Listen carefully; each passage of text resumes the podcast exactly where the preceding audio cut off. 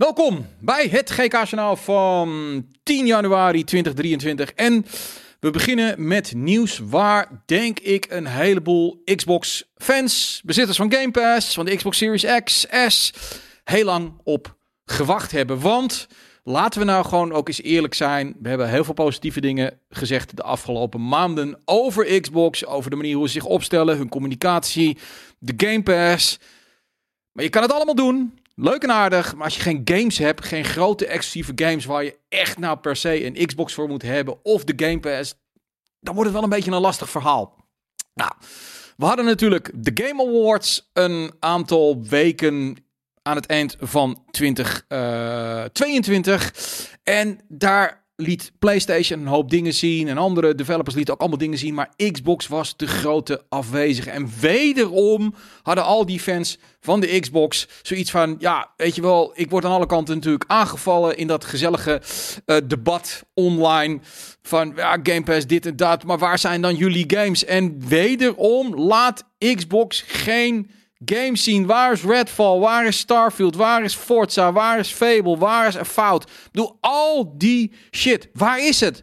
We willen dingen zien. We willen een beetje zeker zijn dat die games er ook daadwerkelijk aankomen. En als we meneer Gordon van Windows Central mogen geloven, dan gaat het binnenkort eindelijk zover zijn. 25 januari. Nederlandse tijd zou dan 6 uur s'avonds zijn. Allemaal onder voorbehoud. Nogmaals, het is niet bevestigd.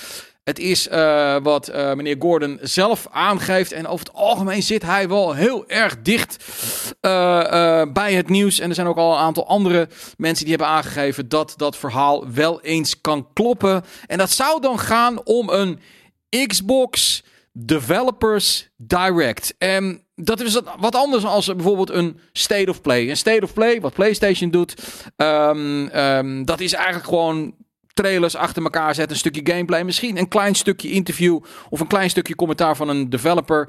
Uh, maar het is heel snel achter elkaar gewoon nieuwe games. En een developers direct zou dan meer zijn dat een aantal developers meer gaan vertellen over de games waar ze mee bezig zijn. Wat zouden we dan kunnen verwachten? Nou, we weten niet uh, welke games dat zijn. Ik bedoel, het is niet aangekondigd. Maar als we meneer Gordon dan mogen geloven.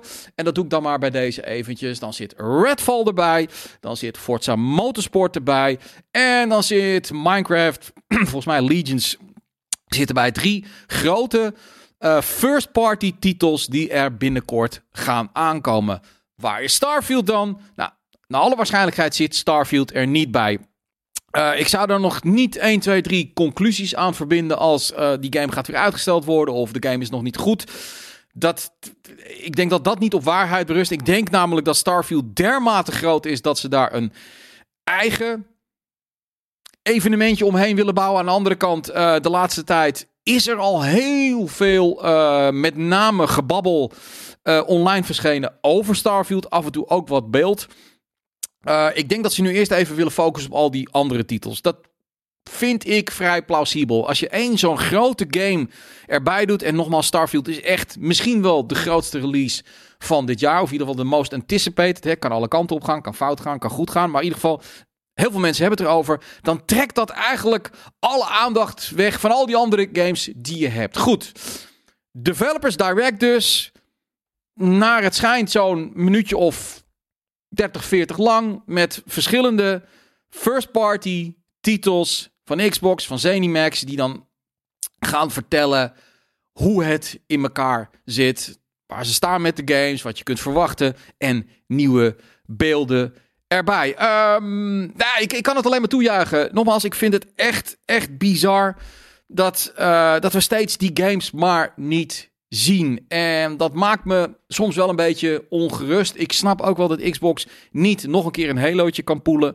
Uh, die games moeten nu ook gewoon echt goed zijn. Anders gaat het verhaal nooit de wereld uit. Maar ze moeten eindelijk met die grote games gaan worden. Anders wordt Game Pass voor mij ook een beetje een vergaarbak van, van alles en nog wat.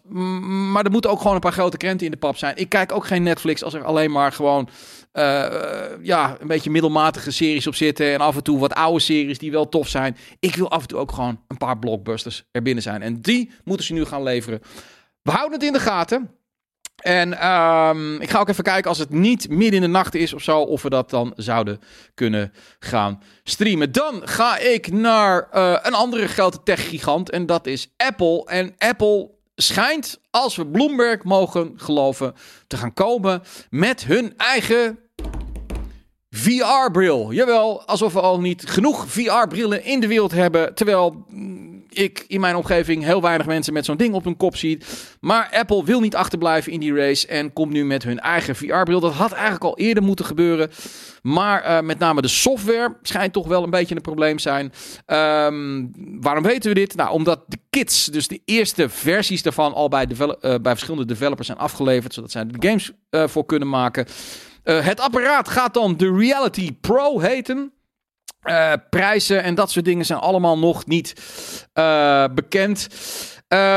Um, zou dan binnenkort aangekondigd worden en uiteindelijk in de lente van 2023 in de winkels moeten liggen. Althans, ja, de, de Apple stores natuurlijk. En ja, wat vind ik ervan? Um, ten eerste niet zo heel erg veel, want ik ben niet zo van de VR, maar... Um, ik ben wel iemand die van Apple stuff houdt. Vooral vanuit een design uh, uh, standpunt vind ik het vaak Mooi spul. Ik denk dat er nog heel veel verbeterd kan worden aan ja, gewoon de, de, de, de, de manier waarop je zo'n goggle op je hoofd hebt. Uh, ik heb het nu al een paar keer opgehad. Ik vind het vaak uh, krap zitten. Het is groot, het is log, kabels eraan. Er valt ergonomisch nog heel veel terrein te winnen. En wie weet dat Apple dat dan misschien gaat doen. Um, tot slot gaan we het hebben over Naughty Dog. Um, er zijn een paar nieuwtjes over te melden. Ten eerste heeft Neil Druckmann aangegeven um, dat hij anders wil gaan werken binnen het bedrijf. je weet het, Naughty Dog staat in het verleden bekend om hun keiharde crunch time. Uh, nou ja, goed, inmiddels in de huidige maatschappij kan het absoluut niet meer. Uh, en terecht met crunch wat dat betreft. en hij zegt...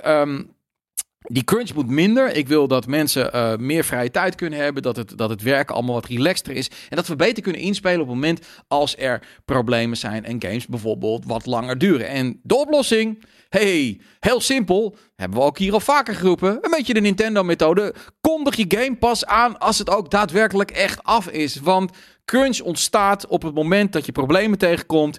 En je wel een data hebt aangekondigd. En dan, ja heb je een probleem. Dus dan ga je opeens twee keer zo hard werken. En over het algemeen heeft dat niet zoveel zin. Je kunt beter dan gewoon wat langer relaxed doorwerken dan te proberen alles goed te maken in een hele beperkte tijd. Slim dat hij dat gaat doen. Um, dat is ook de reden dat we eigenlijk niet veel meer weten dan dat er een multiplayer versie komt van The Last of Us 2. En we weten niet waar ze allemaal voor de rest dan nog aan gaan werken. Um, wat wel leuk is, en we kijken hier natuurlijk naar wat beelden van The Last of Us 2, is dat Neil Druckmann bezig is, denk ik, met The Last of Us 3. En dat hij vooral zegt, hey, de verhaalvertelling in Elden Ring vind ik bijzonder interessant. En wat vindt hij dan interessant? Het feit dat The Last of Us 1 en 2 zijn eigenlijk best wel zogenaamd bij de hand nemen van de gamer games. Hè, ik bedoel, uh, ik, ik, hou er wel van. Lineair-achtig, alhoewel er wel een soort van open wereld is. Maar in principe, wat hij bedenkt, um, dat is wat je volgt. En zo uh, verloopt het verhaal. Er is eigenlijk maar één verhaal. En Elden Ring is eigenlijk meer een grote open wereld. Waarin je je eigen verhaal gaat creëren. Um, met de wijze en de manier en de route die je loopt door die gigantische omgeving heen. Hij vindt dat interessant. En dat vind ik dan weer interessant, want ik zie dan weer niet 1, 2, 3 in hoe je dat dan bij een The Last of Us, wat volgens mij toch wel heel sterk draait om het narratief. En dat narratief is ijzersterk, hoe je dat nou doet of niet. En ja, hoe ga je dat dan verwerken? Uh, die lineaire aanpak, in een aanpak waarbij je uh, de gamers eigen verhaal laat maken. Ik vind het heel lastig, maar goed. Hey, uh, ik ben geen developer. Ik ben slechts een uh, recensent en um, kan er dan lekker kritiek, heel gemakkelijk kritiek op geven of juist heel erg tof vinden. Het is aan Neil Druckmann om dat uit te vinden. En tot slot, als het goed is, vandaag zou dan ehm, The Last of Us televisieserie online komen. En wij hebben hem al mogen bekijken. En um, ik kan je zeggen, ik heb hem zelf niet gezien. Maar een aantal andere jongens wel. Je weet wel, de nerds. Um, die zeiden ook allemaal, Jesus Christ, dat zit wel fucking goed in elkaar. Wel, het is wel een van de mooiste tv-series die ik ooit gezien heb. Eén ehm, nadeel natuurlijk, als je de game hebt gespeeld en je kent het hele verhaal, dan ga je dat hele verhaal nog een keer beleven. Je weet exact wat er gaat komen. Maar uh, ik ben er wel door getriggerd. Dus ik heb de game best wel een tijd geleden gespeeld. Dus ik weet ook niet meer van A tot Z precies hoe het allemaal verloopt.